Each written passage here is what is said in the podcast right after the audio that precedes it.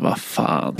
Hi, very welcome to Fummelpollen. It's episode 40. It's extra long, extra guests, extra noise, and it's in English. Ron Edwards, Peter Malmberg join us to chat about RPG theory, why system does matter, what story is, and the community at a play. So let's roll. My name is Lucas, and I'm here at LinCon in uh, Linköping with two guests today. So there's Ron, Hello.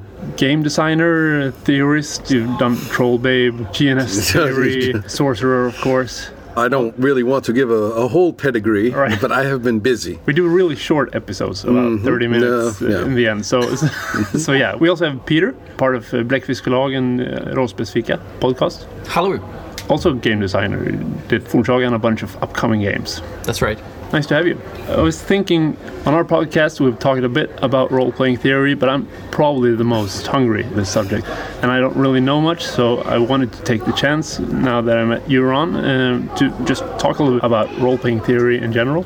And Peter, you and I have been talking about doing a podcast, and I recently was a guest at yours, so the favors returned. Or, Yeah, thank you. the other way around. Talking about role playing theory, we do it occasionally at our podcast as well. So it's uh, a subject that I'm very fond of and that I like to explore. What are your respective definitions of that word?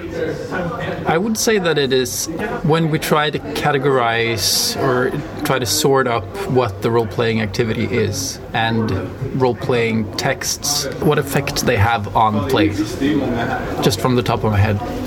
I sort of see it as an initial attempt to more scientific categorization and exploration of how role playing games work and what tools we're using to role play. A scientific endeavor, sort of. Well, my thinking about the word itself, I think requires a little bit more specific so that it's not merely a conversation, that we have a goal in the conversation. And theory is a way of setting a standard in what we have said so far, okay? We have a body of things that have been said casually and in texts where people say, well, role playing is this or that, or the height of role playing is something like that. A lot of judgmental or qualitative claims that are just scattered through the texts of role playing and through the culture of role playing. So we have tons of things that people say. What we need to do is to say, all right, what are the things that are the most justifiable, the most explanatory, the best explanations that we have at the moment? And so theory is a living document. What are the best processes and dynamics and explanations and descriptions that we have at the moment? And we will continue to talk, but we will make sure that we keep assessing it against the theory, and the theory then changes as we get better at describing what we are doing, and disagreements and agreements appear that we didn't even know about before. And it's a very challenging thing to do. And I think people often have a very negative reaction to the word theory for several reasons. One, if you are habituated to doing a particular thing and you identify with it being done in a certain way, you're going to have a negative reaction to somebody telling you how it is working. I mean, nobody who wants to talk about the mystery and the wonder of life wants to hear about adenosine triphosphate. Right, yeah. That's just wrong to them. You're ruining it, right? And yeah. so that's so that was your conversation at the GothCon that A little bit, yes. Yeah. Yeah. So Yeah. we'll link that in the Yeah. description. Really So the idea, though, about the word theory is that it has to have standards of inclusion.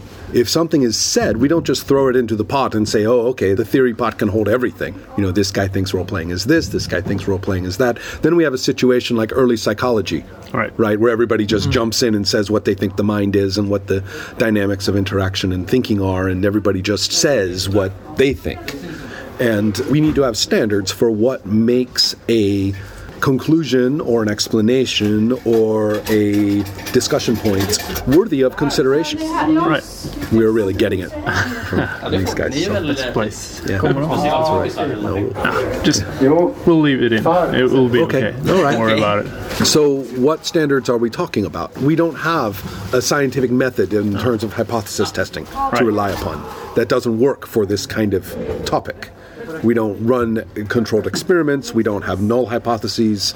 If you have two different experiences that seem to indicate two different things, one does not have to be shown to disprove the other. That's a good we point, don't yeah. have that kind of a set of mechanical events you know, to set up and to assess. We have to have some way, though, of saying, about now is the time when this particular word, which is repeated every single time somebody wants to talk about role playing, it's about now it's time to admit that we don't know what that word means. And that nobody knows what that word means, and they adopt it as sort of a signal for something that they like. Right. A sandbox comes to mind, mm. for example, just to be a, Yeah. as annoying as possible to whoever is listening. I have gained very extensive feedback upon challenging the word immersion. What I am saying is that the word is used uncritically so that people can be talking about completely different things, yet using the same word and creating a false unity. So, a great deal of theory means we're trying to get the best explanations together. To get the best explanations together, you have to be able to call people out when they don't make sense. Yeah, that's true. To include the potential of somebody saying, I don't think what you said is accurate, is a very challenging and difficult thing to bring into any conversation. It is violation of many social conventions about why we even get together and talk. And that's one reason why people have a negative reaction in many cultures to science, because science is going to be talking about things that you are not supposed to talk about, or it's going to talk about life in a way that isn't the way we live. Right, and you're sort of encouraging disagreement. You are encouraging potential disagreement Right, yeah. on the basis of things that we have thought. It's not a disagreement as a contest to hit our heads against one another, but people do feel strongly about it. And so, therefore, emotions will get raised. So, I think that that's the first thing I wanted to think about a little bit is when we call it theory, what is different from just talking about it, right? There is a rigorous standard of what gets included, a sense of rejection in some cases. It doesn't mean nothing ever dies. Someone can go back to an old term or an old topic and say, you know, that wasn't actually all that bad. We have to think about that again. Yeah, absolutely. But still, for the moment, it seems to be the best way that we have, or the best means, or the best questions that we have to be asking. Then there's modeling, right? When you're looking at what we're saying and saying, I think I'm going to put it together into a causal network. I think this causes this. I think this is inside that. You're creating a systemic view of how this is done. And that is a suggestion. It's part of theorizing. And who knows? They can be dismantled. They can be shown to be built on false ideas that should not have gotten into the theory, or now we know enough to say, okay, we can get rid of that, so this whole model falls apart. And in something like the internet and something like this hobby, this is not a professional activity. We don't have standards for people to be included. Anybody really can be included. I don't think that's a bad thing but it also means that there's never going to be the textbook of it. Somebody's going to do that decades from now. It'll probably be mostly crap. But the idea is, is somebody who's interested in doing theory about role playing simply has to find people who can handle these standards of discourse. Otherwise, it's just not good enough. So does that Yeah, kind of give I think idea? one of the thoughts I had heading into this was that the closest thing we have to a book on the subject at this point is your Forge post about GNS theory and everything. Because Which is too bad because I think I've done much, much better than those in other places, but that's just me. I, So, I love to hear more about them. Yeah. Mm-hmm. Just to finish this thought, uh, once I started getting into role playing theory, it was always about, yeah, just go look up these posts about GNS theory, and, and that was the standard. Or people said, that's just crap, don't Right. listen to it. Yeah. There are a number of people, particularly after 2007, when I urged people at the Forge to, as I put it nicely, go away. By which I meant it was a really good idea to begin your own discussions and to set the boundaries for those discussions and the topics on your own and to try to develop the ideas that you think are the best and most interesting. The last thing I wanted was a centralization of theory. And so at that time, several groups or centers began. Probably the most long running of them has been Vincent Baker's Anyway.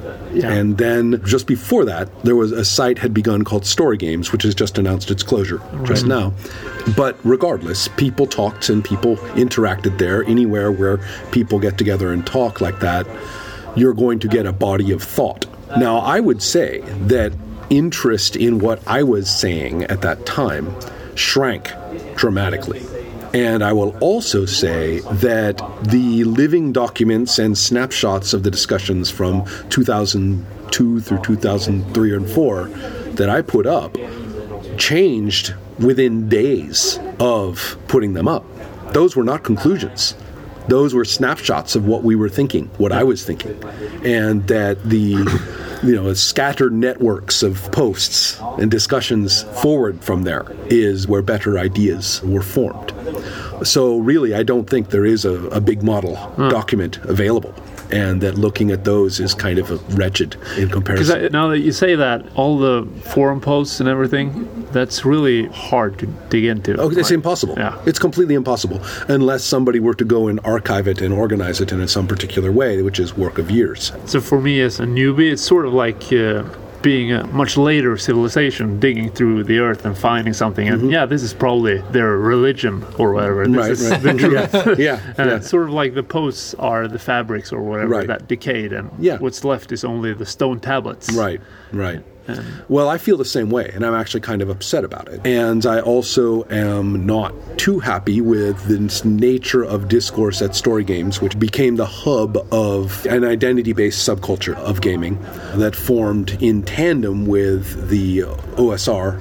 And both of those I consider to be deeply compromised in their foundations of thought. I do not consider them theory, particularly the OSR and story games as terms have both become branding terms. It's quite useful in two senses. One, we have really enthusiastic and often aggressive game design using those labels, which is fantastic, both of them. And then we also have discourse in fits and starts, specific conversations labeled with those terms that have been very strong. So you can find lots and lots of very powerful individual conversations. I would actually say that the podcast and the YouTube community has built quite a library of thoughtful work about role playing. I have found again and again that what we have is somebody who enters into the possibility that there can be this kind of conversation about role playing. And then they and a few people that they can manage to have discourse with work through some things, but they find themselves to be a limited group and they only get so far.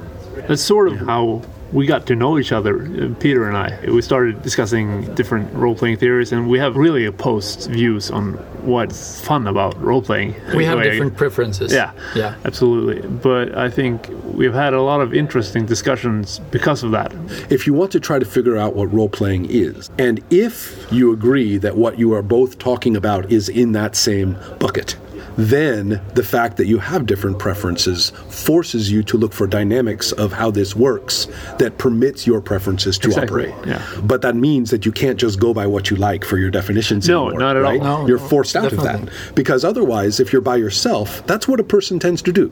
Yeah. Yeah. So this kind of discourse is extremely important. It has felt for us that that is one of the most important things about establishing some kind of theory, however big or small, mm-hmm. that other people that have other preferences than you should be able to also say that yeah they should see where they yeah they, they see where they fit into what you are Exactly. saying right. That's exactly right. And so a good theory is one in which novel information that is nevertheless real can bump into it and find where it sits in it. Right. and it makes sense Yeah. now the trouble is makes sense and i like it are two different things you may find Absolutely. people who f- see where their thing fits in it and then are furious that you have said this about them And then there's semantics. well yes So of course like, uh, I I agree, except that word is not acceptable for what I'm doing. So Right. I'll never agree to your model. I guess that has happened a lot with GNS theory. Like, I'm not doing gamism because I'm doing story. Narrativism is doing story, and I'm doing story when I'm doing gamism. So shut up. I'm not going to listen to anything else you Right. say. Well, also you'll notice that when the person stops using verbs and starts using nouns as Right. if they were verbs, Yeah. then you know the thinking has stopped. Right? That's what what do they point, mean? yeah. What do they mean when they say I do gamism? Right. Exactly. I- I'm And- paraphrasing. So uh, No, I completely I understand that you're presenting a point of view, but I am talking about reactionary response. The response encounters it and says, "Well, I don't get it, but whatever it is you're saying is bad." Or I read a little bit and I see labels. And I don't like labels. Labels are what bad people do to oppressed people, and that's bad. So this is bad. Then you can get a little deeper. A person is reading things, but if they're in a hostile frame of mind, they're looking for phrases that they can find as proof that this is derisive or derogatory in some way. So they're looking for that. There are people, let's see, I dated back to 2002. So to this day, there is somebody here in the Nordic countries who I've never even bothered to figure out who they are, who is furious at a suggestion that we made at the Forge. Could it work this way? What is the basis for playing in this fashion? How does this work?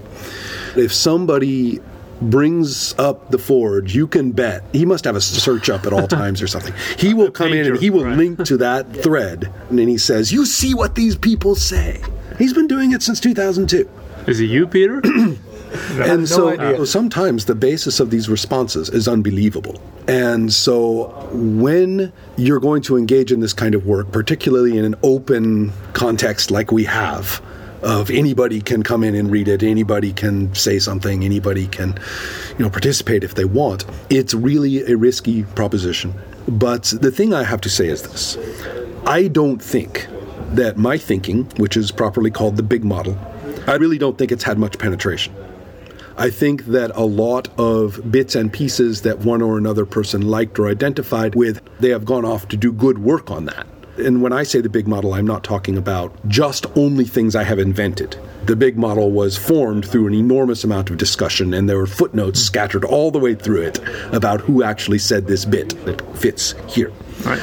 Do you know why it's called the big model?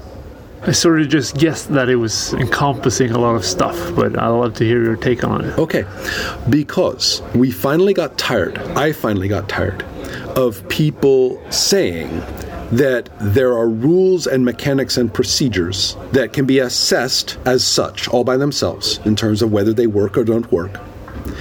And then you also have social interactions at the table, which involve things like what you like and what you don't like, or who is sleeping with who and who knows about it, hmm. or you know what the individual experiences with role playing have been, things like that. All these interactions, and people would say that these are very separate phenomena. I said no. The social is the big thing. We come together for social reasons. We come back together for social reasons. And if those reasons involve a creative process, then they do, but interacting with each other about it, having relationships based on doing this together, is always there. And whatever it is we use for rules, however we make our fictions within it, that is for this group of people embedded in whatever interactions that they have. So it's the big model because all of the procedures of play, all of the imagined material, all of our processing and usage of these things is only understandable in the context of that group's social dynamic and priorities. That's why it's big. It's bigger than what we have been calling role playing. Everything inside there cannot be extricated. You cannot pull it out of it and extract out of the social matrix of these people. And makes so, therefore, uh, one of the most important questions is are people playing together? When they get together, are they playing or are they just doing this activity as just part of being this kind of social group? Or are they doing this to do it to play together at all? I mean, that's a pretty important question, right? Yeah, I think it's almost a bit too big for my head. But, Well, yeah. there are plenty of people who would say, well, yeah, you're right, or that's interesting, but you know, I really don't care when I get together with my friends to role play. We just want to get together. They could be watching porn, they could be playing a board game, but habitually they play this game and identify with it on a purely subcultural basis. And if that's the case, then let's play this game together because we want to isn't really part of what's going on here. It No, could have been no, any yeah. game for them historically. And so, therefore, we have to ask these questions before we start saying, how does this game work? How does Shadowrun work? How does D&D 5th edition work? We have to make sure that we are in a group talking about groups that have that particular commitment at hand. That they want to play this game. Right. That they are, in fact, engaging with its pieces and with each other on the basis of the fiction they are making. I think Peter, you always saying that you're never actually playing the game as written, right? Well, yes, but either way, I don't really care. They're using some sort of systematic yeah. process. But the point is that people and the social contract and everything affects what the game is. So you can't really define the game without, yes, correct. defining everything right. else. So- Everybody plays their own implementation of Yeah, the game. absolutely. Right. Yes, that's why I distinguish between system and textual rules. System is what Yeah. you do. Absolutely. All right, I agree. okay. Right. No. Hmm? Or actually, system has rules, but you have to look at the people at the table to see what rules they are using that they know. Yeah, it's not the Right. rules in the book. Yes, it may and it may have a relationship to them, but there's lots of different relationships you can have to the rules in the book. Absolutely. So the meaning of the big model as a term does that make more sense? Yeah, I understand. What I'm saying is that that idea did not penetrate very far. To this day, people say GNS. They don't say the big model. Oh, yeah. And not only that, if they say the big model, they're puzzled. They don't know what on earth I'm talking about, really. But Lucas, in your podcast, you've talked Yeah. about the social contract. That's pretty much all we talk about. yeah, right? but that, that is a part of the big Right, model. what I- Absolutely. So you know the different Yeah. bits. It's just that the big model was all of them at once, sort yeah. of.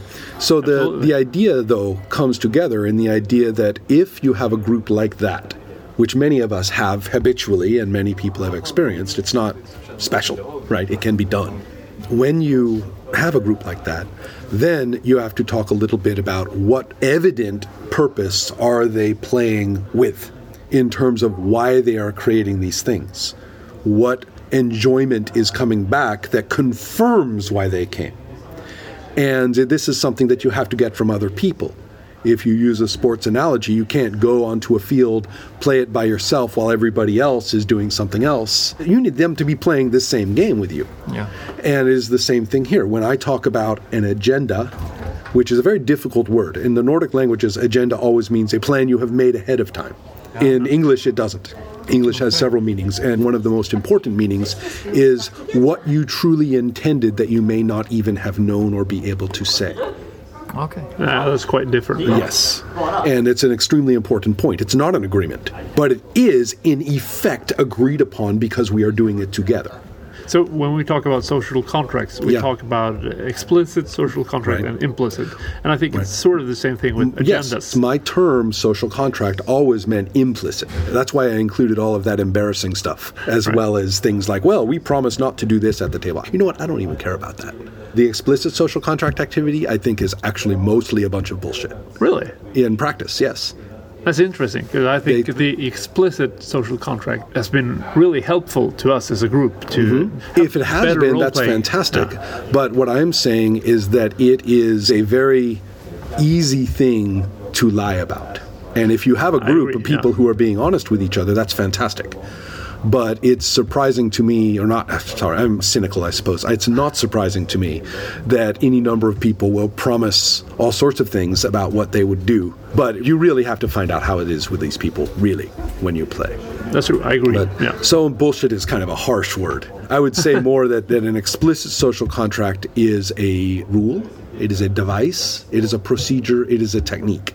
Whereas the implicit social contract that we always have with any group of humans doing anything anywhere in proximity with one another, that is always going to be in force and it is going to be full of imperfect knowledge. It's going to be full of unvoiced expectations, maybe expectations people don't even know they have. it's going to be full of danger of Yeah. all the mistakes you can make. I absolutely Um, agree. And so, with that running socially, then we can say if we really want to do this thing together, and I don't necessarily mean just that book, what we call this game, whatever it is we do with it. If we're going to do this together, then we can start talking about purposes at a very, very basic level. Purposes that people do because they know they want to do them, so why bother naming it? Why bother thinking about it? You do not have a discussion before you play football of, well, okay, one side is going to try to win and the other is going to try to win, and we will see. It's a zero sum thing. One of us will do it. Right. Do you have to have that little discussion every single time before you play football? No, it's the air you breathe by coming here. And it's the same thing for purposes in role playing. Now, I first proposed that idea in response to a similar set of ideas that had arisen in other groups in the 1990s. And I was very impressed by that idea. It turned out that what they ended up talking about was not as intense or as basic as what I wanted to talk about. Okay. So the, the original threefold model Right. turned out not to be what I just said. They got very interested in preferences of rules sets and certain other procedures. Yeah, Whereas what I am saying is we are talking about something very human and basic that really we're not going to be able to talk about rules and procedures until we get that vocabulary down. So you see, I wanted to talk about what I eventually called currency. In 1998, 1996, I wanted to talk about role playing and how it worked, and I was much, much more interested in things like point structures in games and how games that didn't have point structures really did, just that the points were silent. And I wanted to talk about stuff like that very procedural, very nuts and bolts, very how does implementing and saying things interact with each other and what do these objects have to do with it? How does that even happen and work? How do we know what happened? What is that? I wanted to talk about that stuff. I thought talking about this idea that, well, first let's settle down that A, this is a big social activity, and B, that a group playing together on purpose has a purpose, ah. and that these purposes are actually singular things. You don't do them all at once. That was it. I didn't even get to talk about what I wanted to talk about. right? I thought I was getting past the easy part. Yeah. Who could argue with the idea that what we are doing is embedded in a social matrix of human satisfaction and interaction? That you can be affected in how you use this rule set because you had the hots for the person sitting next to you. That there are power dynamics among the people. Who is allowed to tease who at the table hmm. and who is never allowed to be teased? These things actually play into and affect the way we use our rules. They will be in action at the table. And so now we are going to use the rules in this context, and we are going to have a purpose for doing this. Humans have purposes when they get together to play. yeah. And I use the word play, right? Nobody's paying us, there's no audience, right? We are playing. But it's not, It's not uniquely role playing either. No, it's if you not. go play football, then Yes, but what's kind of interesting is that role playing, in and of itself, really is nothing more than a medium, a matrix of talking and listening. You can do very different things with it. I mean, do very, very, very different things that are not compatible with one another as activities. When I talk about purposes of play, I'm talking about vastly different things to do.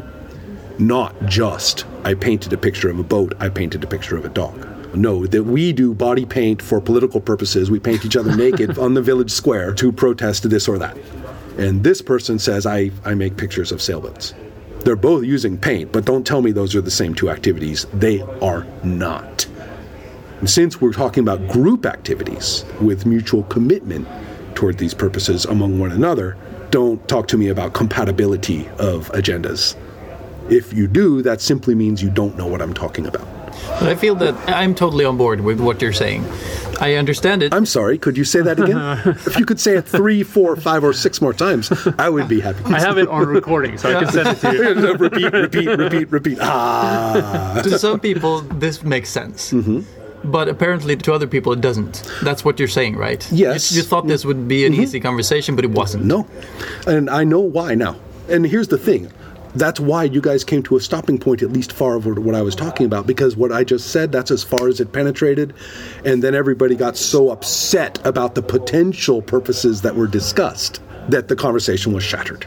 And I think the conversations since then have left it in relief and said, okay, we're not going to talk about that shit. It was so, so, so contentious. And clearly, if it was that upsetting, then it must have been wrong in some way.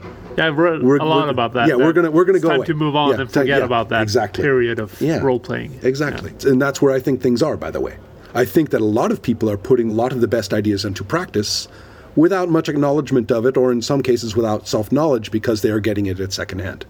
Yeah, people have designed games, and now Right. people pick them up and play, Exactly. and they're mm-hmm. implementing it. and discussion groups based on those. Right, yeah. So that's fine. But let's look at that shattering response. And I just said that I know why. We're going to look at two terms. One is game, which is a completely unhelpful word. Because the only way we can possibly interpret it in terms of role playing is that this is some kind of group leisure activity. And that's all. It's an activity, so it has procedures of some kind. And it's a group thing, and we do it for fun. Or we see, there's that thing, that word, for fun. No, leisure. Let's be blunt and absolutely accurate. We're doing it as a leisure activity. So this term game doesn't mean much. Other implications of the word game, which involve competition or involve frivolousness. I have a five year old kid at Mm-hmm. home, and uh, I always tell him, stop playing with that. It's Right, yeah, exactly. I'm not playing. Right, right. I'm uh, exploring or Right. I'm interacting with it, but I'm Right. not playing. it. Exactly. Mm-hmm. So he gets really upset with that, and it's sort of what you're saying. What I'm saying is let's look out for those words play and game. Yeah. They are going to carry very weird little interactions. In fact, in American English, it's quite fascinating. You can be extremely cruel to somebody in some kind of social or somewhat competitive or status based interaction, and the person can object. You know, you're being an asshole. The person says, it's just a game. Meaning, you cannot possibly expect me to take that criticism seriously because this is just a game.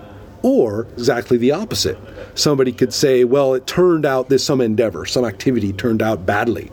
And they would say, well, it, that turned out really badly. We didn't do it right, or we should have done it differently, or whatever. And the person says, no, that's the game.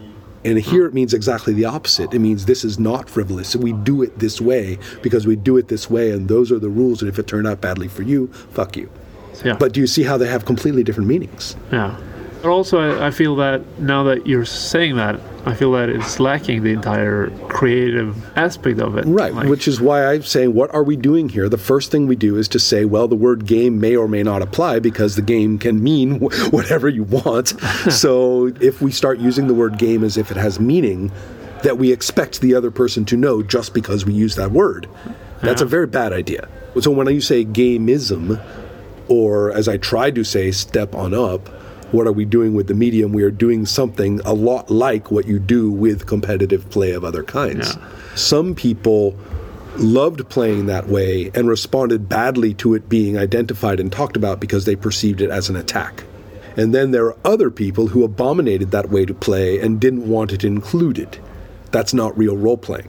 So there you are listening to two loud horns of anger just because I have just said this thing. Hmm. Then you have with story, and this is probably the most important point that historically, somebody makes a story, it is processed into a product, and then that product is presented to audiences. And so all anybody really sees is what it looks like when it's done. Now, historically, I'm sure that there have been many other more participatory processes, but I don't think we have really encountered very many of those to analyze. Improvisational theater does not count. The troupe has complete control over what happens. The uh-huh. audience gets to shout a lot, but they do not participate in the actual production. We do not find a celebration of its making as something that you enjoy doing, observing, being in. And the other point I was going to try to make is that historically, having a, an isolated author who does the work in a decent little closet in the dark where nobody has to look at it as if it were something disgusting that they're doing. and then notice that if we're talking about sequential fiction, the author may have made things up in a different order, that the eventual version of it presents those things Right. right? So, in other words, the audience experiences the things in the order in which they are presented to them, whether they're out of order in the story or not, whatever. Whatever order it is that it's in that's presented, that's what they get. How the author went through it so that those pieces ended up in that order is a completely different phenomenon. Just to give you one variable about the extreme difference of experiencing making a story and experiencing a story. One of the other important points is how we have mystified what is happening there. Only geniuses can do it. You have it or you don't. It's a professional task. Should be left to the professionals, not the amateurs. Or the gods have spoken. The spirits are speaking to you. Do you see what I mean? Right. All these mystical, they're all mystical stories.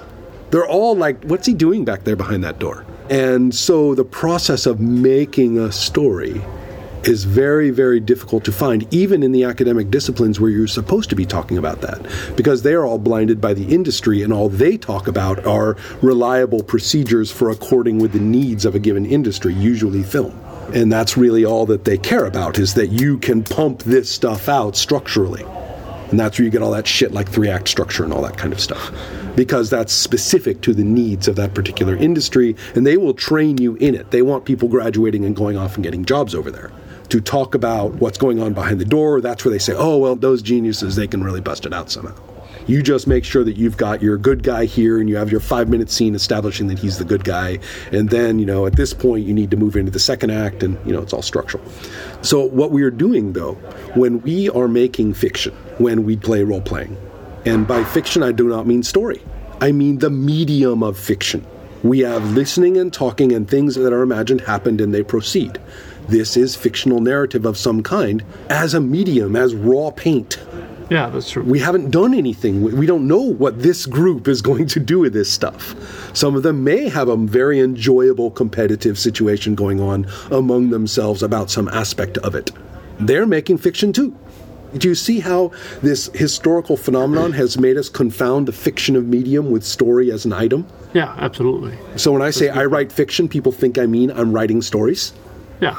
So once we realize that medium of fiction is its own stretchable, shapeable medium applied by people to things in radically different ways for radically different purposes. Once we finally get that, then we can say, all right, what then happens if, and this is an if, and it's not obligatory, and it's not the best, and it's nothing I actually advocate for on its own merit. It's just something I happen to like to do.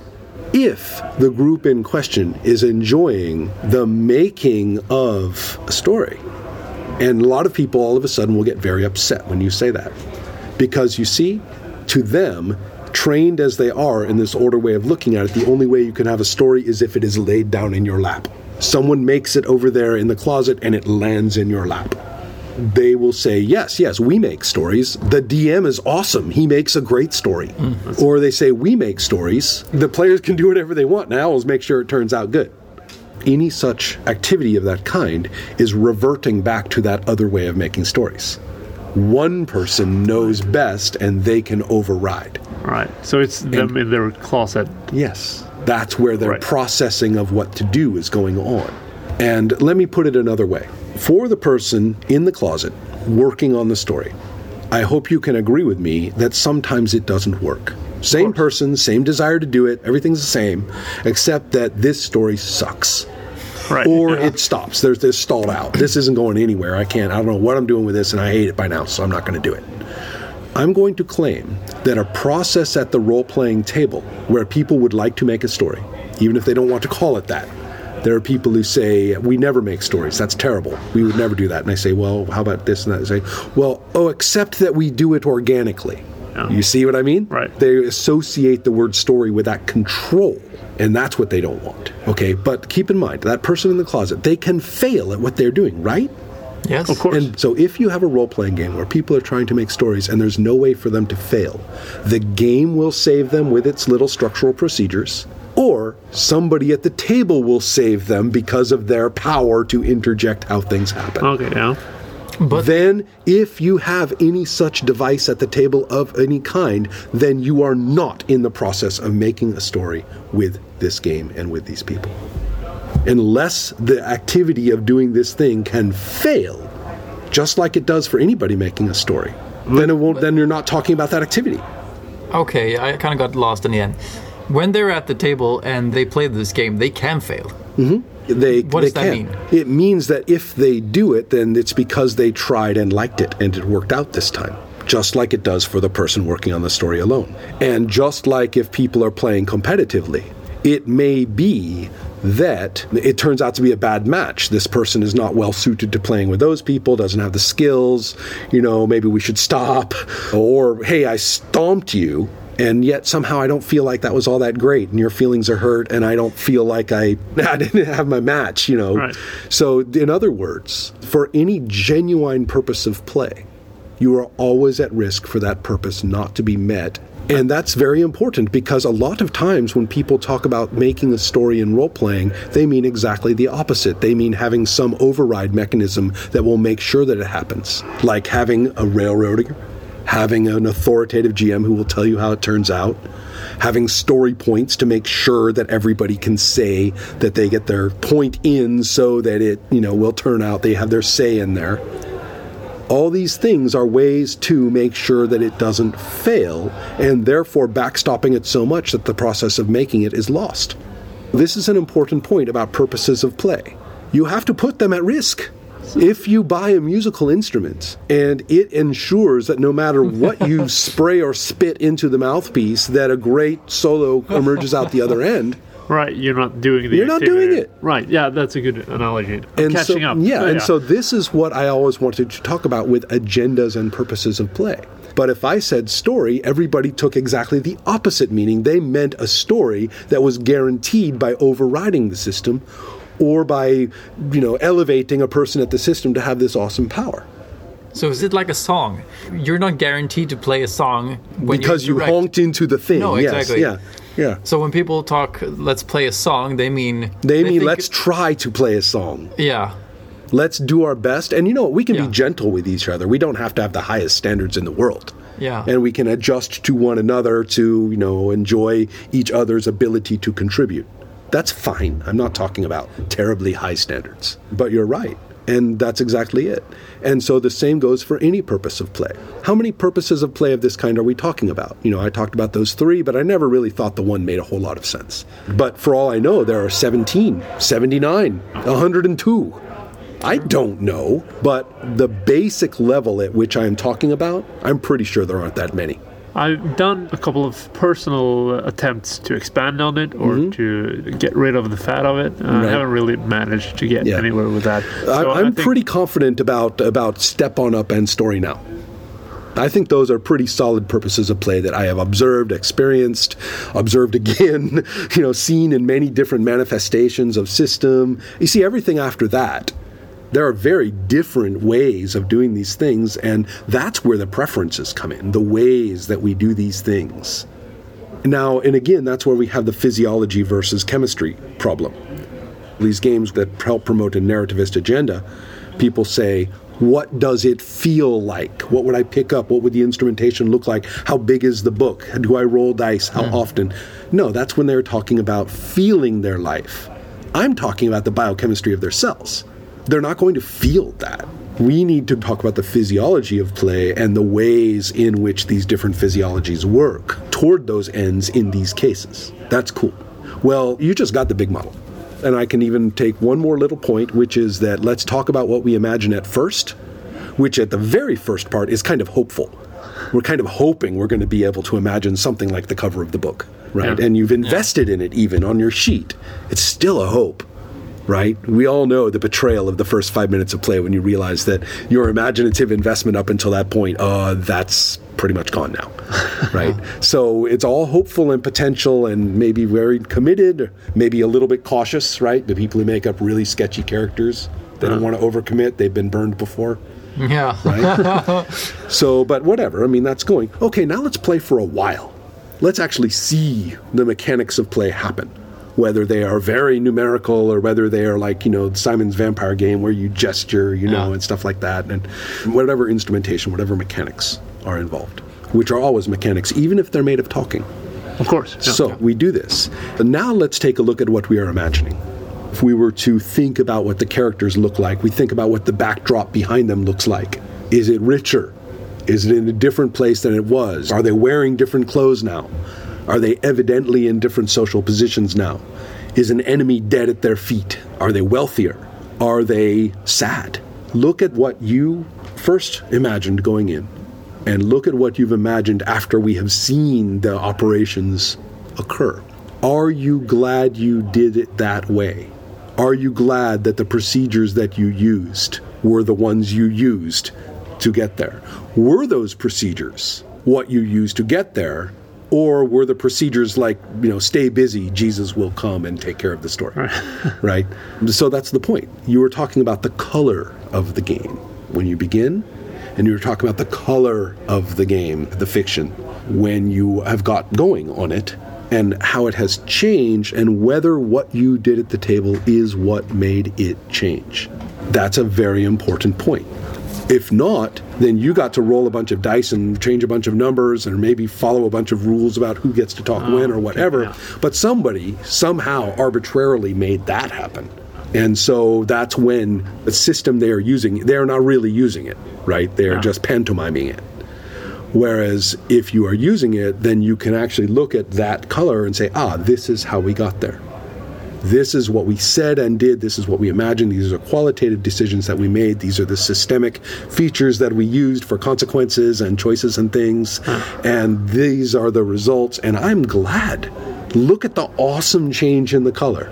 Look at the intense difference we have made in this fiction. Things happen. There was fictional time, there were fictional events. Look at what has happened. This is great. I'm excited, and we did it. We did it. We played the song. No one else played that song. Yeah. That was us. And we uh, uh, used these instruments to do it. That's when I talk about system does matter because different sets of procedures are going to make very different dynamics of cause and effect about how things happen. And that's a very good thing. It's sort of like picking up different instruments, maybe Sure. with different instructions Absolutely on correct. how to use them, Yeah, and you absolutely end up with correct. different results. Yes. And so, therefore, it is very powerful to talk about system and procedures and things like that. And that is why the first thing I wrote was called System Does Matter. Yeah. Because I was getting away from the idea of playing, just as I say, pantomiming a system and someone else takes care of what happens. That was called System Doesn't Matter, and it's what everybody said all the time hmm. until I said differently. I was in a conversation a couple of weeks back, and the guy said, "Yeah, we're playing Drakar och Demoner. We've been doing Oh, yeah. it for 25 years, and at this point, we're not really using the rules. We're not rolling Right. any dice. We're not looking at the character sheets. I think it's a really great game. yeah, well, it's certainly what it means is that they don't think it's a great game, right? Obviously, They enjoy their activity. they enjoy their activity, and that, which may well have rules for speaking Yeah, and stuff that we don't know. They probably don't know overtly, Yeah. but they certainly know it procedurally. But the game doesn't help them. um, No, with- no, the book is gear at that point. Yeah. It's right? sort of like a- going into a room full of instruments and like, yeah. Yeah. we did great music with all these instruments. Oh, what do you do? Yeah, we sang a cappella. And yeah, it yeah, out great. or even better, or even, and- or in other cases, in your case, yes, that's exactly right. We sang a cappella, it turned out great. The scary thing is when they said, "Yeah, we have all these instruments. This is awesome. This guitar is from here, and this is from there." and what do you do? Oh, punch and it hits play. Right. That's when they say system doesn't matter because obviously it doesn't matter, That's, and that's very- really Yeah, very don't- frustrating. I don't want to Yeah. learn new instruments. right Uh, which i don't use. So these things this complication with the word story and where it comes from the idea that if you say story that you are submitting to somebody's control. The idea of game well are we here to take it seriously or are we here not to take it not seriously i don't mean deeply intellectually existentially hmm. serious. I mean just caring about it at all. Right. and also how does it relate to people? Do people's feelings matter? Do i care that i'm playing with you? All of these things are the questions that give a meaningful frame to okay now how do i roll to hit yeah. Right. right Definitely. without the frame that i've talked about which is you see the layers of the big model right Yeah, the absolutely. social phenomena the imagined material and what's going to happen to it and then the procedures by which we make things happen in it if you don't have that layering in mind then talking about how to roll to hit is of utmost irrelevance I agree. it is yeah. completely without context, and there is no good answer. And I do think that there are better and worse ways to roll to hit relative to those things. Right? But could that be the reason why, well, role playing games are such complex activities and why theory is so hard to establish? Because it all depends on who we're playing. Well, this is where music does become the proper comparison, which is interesting. In fact, it's a very useful one because every other dynamic is exactly the same, but the activity is different. We are not making fiction when we play music. But everything else is the Right, same yeah. about the way we interact when we do it and the social enjoyment we get out of doing it with each other. Particularly the fact that a group of good musicians can get together and have a wonderful time playing together without an audience Of course, yeah. right? Now, here's one other interesting question that's specific to the issue of story. If we talk about music, and if we talk about sports, and if we talk about many other activities of this kind, social leisure activities, so never mind paid sports and stuff, I don't hmm. mean that. But if we're talking about that, we see the full range of professionalization and very formal events. All the way down, we see the entire spectrum, all the way to the most casual and least pressured, enjoyable, but nevertheless taken pretty seriously version of the activity. When people go and play football together in the backyard, they're still going to be playing football. You can't tell me they're not playing football. They are. Absolutely. They're having a good time and they mean it, even if it's not quite the same as being a bunch of professional ball players with a million people watching and stuff. Of course. But it's a different thing. And you can find the same for music. People sing together for fun. You can find the same thing for many activities of this kind. You don't find it for making stories. It bottoms out the second someone stops getting paid for it. Say that again. The activity of creating stories. Right.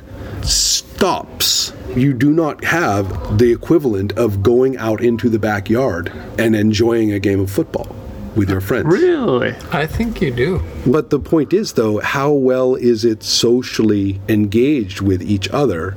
No, not at all. That's what I'm talking about.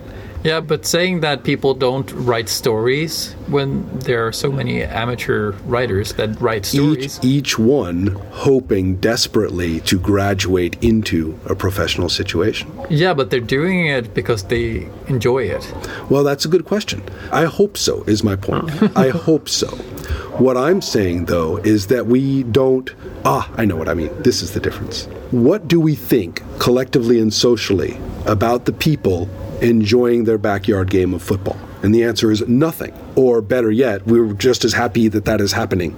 Oh yeah. It's yeah. not a problem, I see where you're going. Yeah. Whereas sharing, enjoying, and celebrating and appreciating that somebody writes stories like this is very difficult to find. If you say, we, every Saturday my friends and I get together to play football down at the end of the block, socially that has a particular meaning. Right. To everybody else, even to people who don't do it. Good for you. Yeah, Sounds- exactly. sounds Yeah, like fun. Exactly.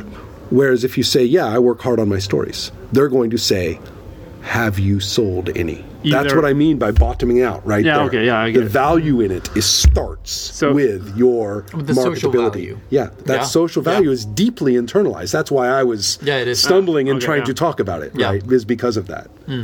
You're right. Yeah. So you were right in what you said. People do it, and I was struggling with how I wanted to say that. But role playing is completely different, right? Right. Well, that's the important point.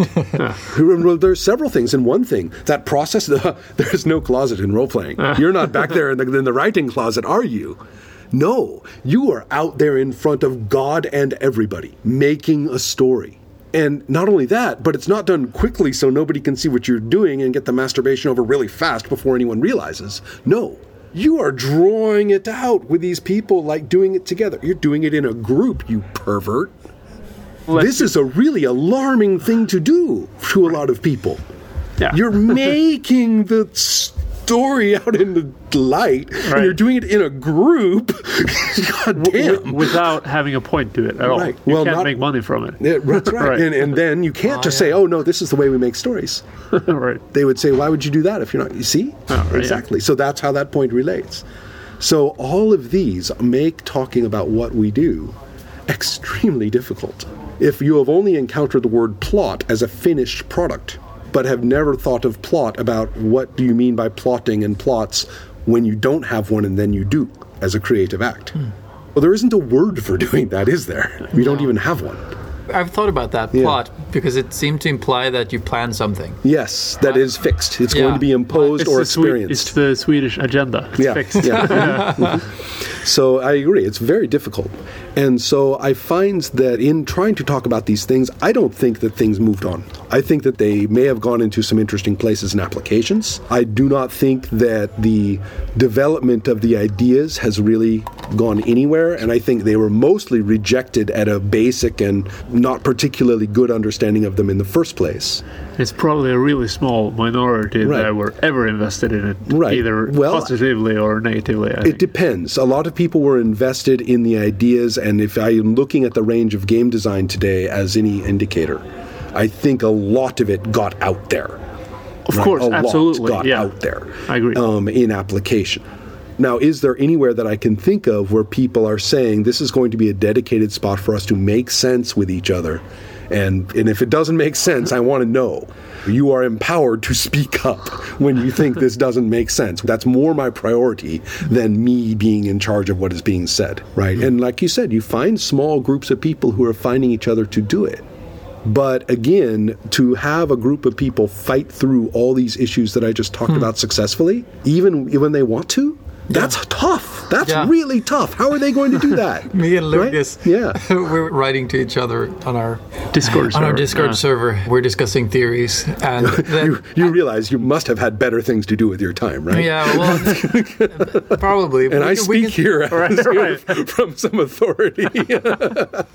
we can have a discussion where we start out like, "Oh yeah, that's great," and then the other person starts, "It's like this," and then they continue, and, And then you the swiftly first realize person's like, "No, you are insane." No, no, no, I'm not with you at all. right. And then we have to like reverse the Yeah. tape. Yeah, so it's, it's always like Yeah, but but that's but and do, can you see that with back. this completely broken set of vocabulary and with these terrible holes that you can fall through Yeah, in talking about words like plot and things like that? We're just two Yeah. people. Yeah, yeah, exactly. I mean, what we're supposed to solve this whole cultural problem of discourse by ourselves? on, on one hand, there's know? that, and then on the other hand, there's maybe we can come to an agreement that this word means this. Right. For our purposes, we are going to yeah, say this. If there were 50 of us, never Right. work. So. And so the the issue is then, I think, however, that this discourse is being had much more slowly and occurring here and there, and partly in private, and then with quiet connections. Hmm.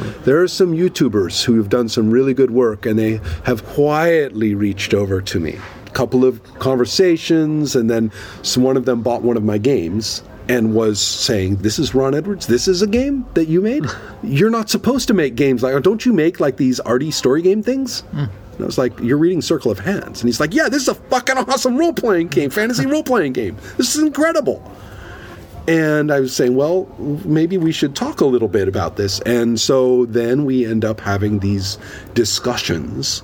And I learned that that whole community has quietly distanced themselves from the group that they sort of were supposed to belong to because they realized that the other people just were completely incapable of this kind of conversation. And they, however, had been talking and reaching some conclusions. Now they wanted to keep trying different games. So they play games, they record them, and then they record their private reflections on them. And then they look at each other's private reflections. And so it's actually pretty intensive. So the connections are starting to happen if we are gentle with each other and we keep them strong. We don't let go. And I really would like Adept Play to do that. I want Adept Play to be a place when I finally get the proper presentation of the library up where you can say, these are some resources. This is what people have said. You can look at their videos of discussion.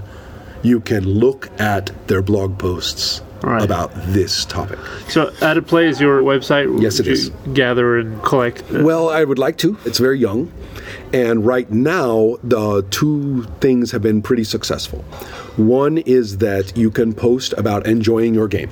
Or if you hated it, that's different. But but if you want to post about enjoying your game, that's highly recommended. I recommend recording play, although you don't have to. It's kind of meant to be a place where it's like a blog except that anybody can anybody can make an entry right. and then you get this enormous set of conversations about it- what play is like. Won't the problem be the same as it has been previously? That the body of thought is so incomprehensible or it's so large that you don't know where to start. Then you go over to seminar section. at All And at seminar this- section, you can find six tiny little videos, quite short, that are everything I've just said. I call it phenomenology, the phenomenon of role playing. And you don't need anything except phenomenology. Right. And the words are basic. I threw out all the jargon and put in ordinary words.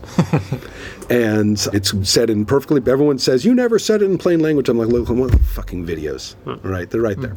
And then what I do is I have a topic, and we get together in groups, and I record the conversation where we dissect and you know compare and reflect upon different aspects of it and our different ideas about it, and it's left as a conversation for others to enjoy right. and I give presentations there.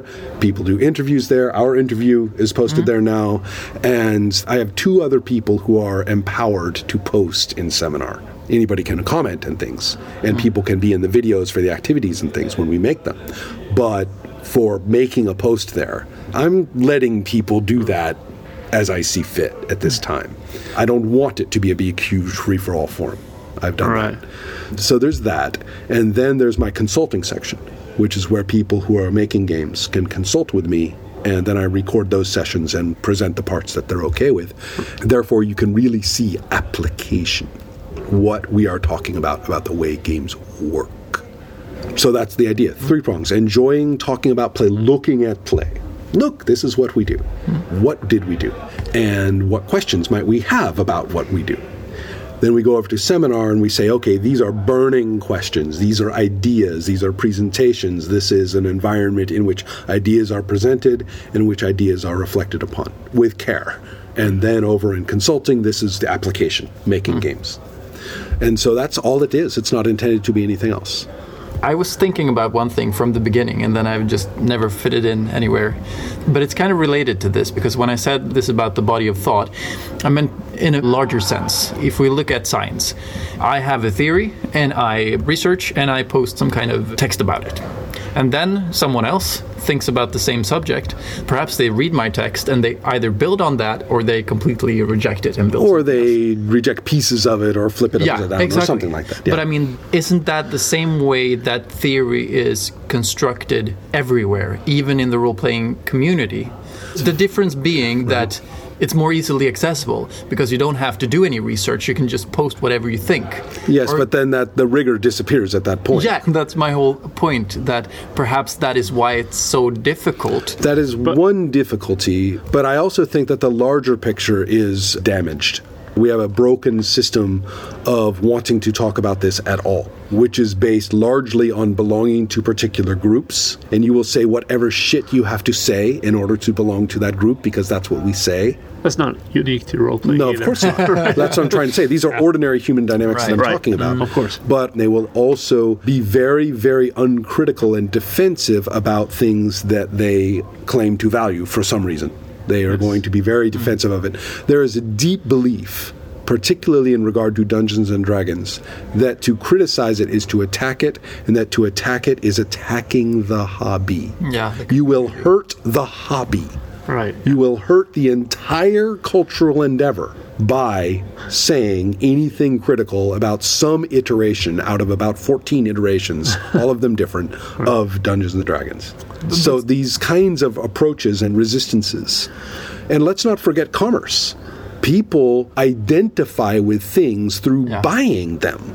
And once they have bought them, they're going to be committed to their defense. They're not Yeah, going sure. to permit criticism of something that they have spent a thousand euros on. That's also the psychology of uh, cognitive dissonance. Of course, And hundred costs percent and everything, Yeah, yeah. one hundred percent, absolutely.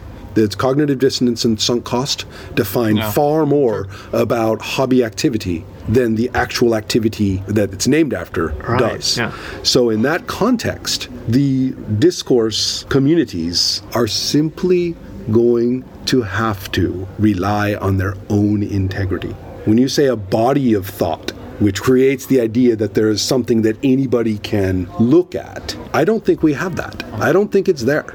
And I think that those other factors that I just described are the dominant and deeply dominant factors of how we talk about role playing. But I mean, doesn't role playing theory have to be created in that way? We Of have people to talking nicely to each other about what we Exact- think. Yeah, I and building agree. on each other's uh, Right. ideas Yeah. and rejecting Yes. each other's ideas, Across the battle lines. continually Yes, all of that is completely true. But the question is is the activity of doing so, is that going to be considered part of the hobby? Is that going to be socially accessible to anybody else in a way that they actually want to do it or to benefit from it? And that is way too big a job for me to say, okay, I have my mission to transform the hobby of role playing worldwide into something that can appreciate its value and who can appreciate the effort to understand it. Wow. And I have met people who say, you know, your ideas should be the starting point. We need to change the hobby now. And I'm like, "Pfft, you know what? Listen, if I want to change the world, I'm going to start with globalization and financialization. Uh, I'm, I'm going to start with war, okay? All right, yeah. Well, when I'm done with that, then I'll come back and fix your little hobby for you, okay? you know? But I think interesting thing about what you said earlier, Peter, that you have this body of work and everyone can just say pretty much what they want about it. Well, that's true, certainly. yeah. I mean, no, Yeah, but Yeah, they all have but- experiences, and this, but- this isn't something that you can research. I mean, their No. ideas could be valid. yes. But the thing about other types of science, you have professionals in their area, Yeah. and they come up with stuff, and then you have the large media organizations Well, promoting their ideas, and then you have most of the people after a while accept that as truth. This is the theory. This is what we're working. Well, from. there's, but what you don't have, and I don't think we really should, what you have in sciences is a body of specific places where it is published and assessed. right. Yeah. And without that, it doesn't happen. No. No. And also, And it's so- taught. Right. Yeah. Yeah. Yeah. But I think that's the problem that we're going to run into since everyone's opinion is equally valued. well, or rather, none of them are valued. Right. It just it just sprays into the air. That's right? equal, Yeah. Yeah. way. Exactly. That's that's. mhm, but exactly. it's going to be harder to move forward because once you have the So I'm not too worried about that move forward part. Okay. That's great. I hope it does someday. I really do. And I have done my part in providing some kind Yeah. of ability to talk about it, I hope. But at this point, what I am working with is a generosity of thought among us as individuals. So if you come to Adept Play and you say, that's weird, Ron Edwards is playing Tunnels and Trolls. Isn't that an old fantasy role playing game? What's he doing playing that? Or you come and you see that somebody is playing a game that you play and you get to see how they do it. Or you come and you get to see someone playing a game that you heard of and were interested in, and you actually get to watch them playing it. And you might say, Oh, I would never do that. Is that in the rules? And you can ask. So to have a generous spirit of presentation and of investigation is what I'm after in that section of Adept Play, where therefore even the ability to just relax about it and see what people are doing. Like I'm going to post about our pool game, you know, Yeah. and people are going to read it and people are going to So it's a game called Pool. We didn't play Pool with cues and everything. Exactly correct. We played the role playing game called The Pool by James V. Right. West. So there's going to be me. I'll talk into the camera and talk about it as best as I can remember. I'll let you and Sissy and Frederick. Yeah. Frederick, Frederick, yeah. know, and then you can come and comment your thoughts on it. And there's discourse there. So when somebody says, What is the pool? I can say, There is the pool. This is what it was like for us Yeah. and you can see it. It's free. Here's the link. Compare what you see in that game to what you see in there. Come to your own conclusions. If you want to play it, tell us about it. Right. That's the environment that I want. And I think only that environment is going to allow people who do have possibly very valid ideas to come and say that. I would very much like that. Yeah. It's a good Yeah. thing. That's, yeah, that's I think my, so, I appreciate that. I'm really looking forward to seeing where it goes. Yeah. We'll uh, link to Adept Play in Yeah. the description and everything. Really nice talking to you. I agree. Thank I you very much. I can wrap my head around a couple of things, and Uh-huh. I'll listen to this a couple of times more, and Yeah. maybe I'll understand a little bit more. it's, it's the same reaction that I had to I think it's really interesting. So but much. when you did go through it, Yeah, Yeah, you- there were a few things that I realized in hindsight Right. uh, Mm-hmm. that I didn't realize then. But I, I recognize your. you're like, All I've been there. My, my head is you look like- a little stunned. We'll Yeah. see you in a week. yeah, there's so much knowledge. So thank you very much for taking the time. Thank you. I enjoyed Thank it you. very much. The next time you guys have to object more and like make points that I can't deal with, which actually a few times that was good. There were some really good points you Right. guys were making sure that if It's it didn't make sense, you want to know. Right. You know, which is good. Yeah, it's really nice. I want Rubilar. Definitely. Du har lyssnat på Fummelpodden som presenteras i samarbete med Studiefrämjandet. Du får gärna gilla vår Facebook-sida eller kanske följa oss på Instagram. Länkar finns i avsnittsbeskrivningen. Har du feedback eller tips på ämnen? Gör gärna av det via sociala medier eller skicka ett mejl till info.fummelpodden.se.